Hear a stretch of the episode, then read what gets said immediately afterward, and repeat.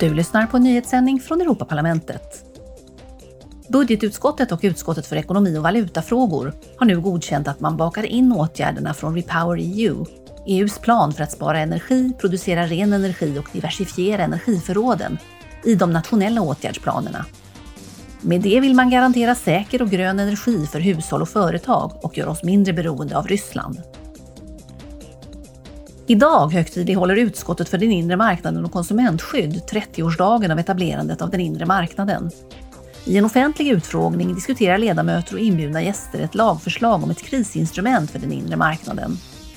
Det ska göra det lättare att reagera snabbt på nödsituationer och kriser på ett flexibelt och öppet sätt och samtidigt säkra samordning och solidaritet mellan medlemsländerna.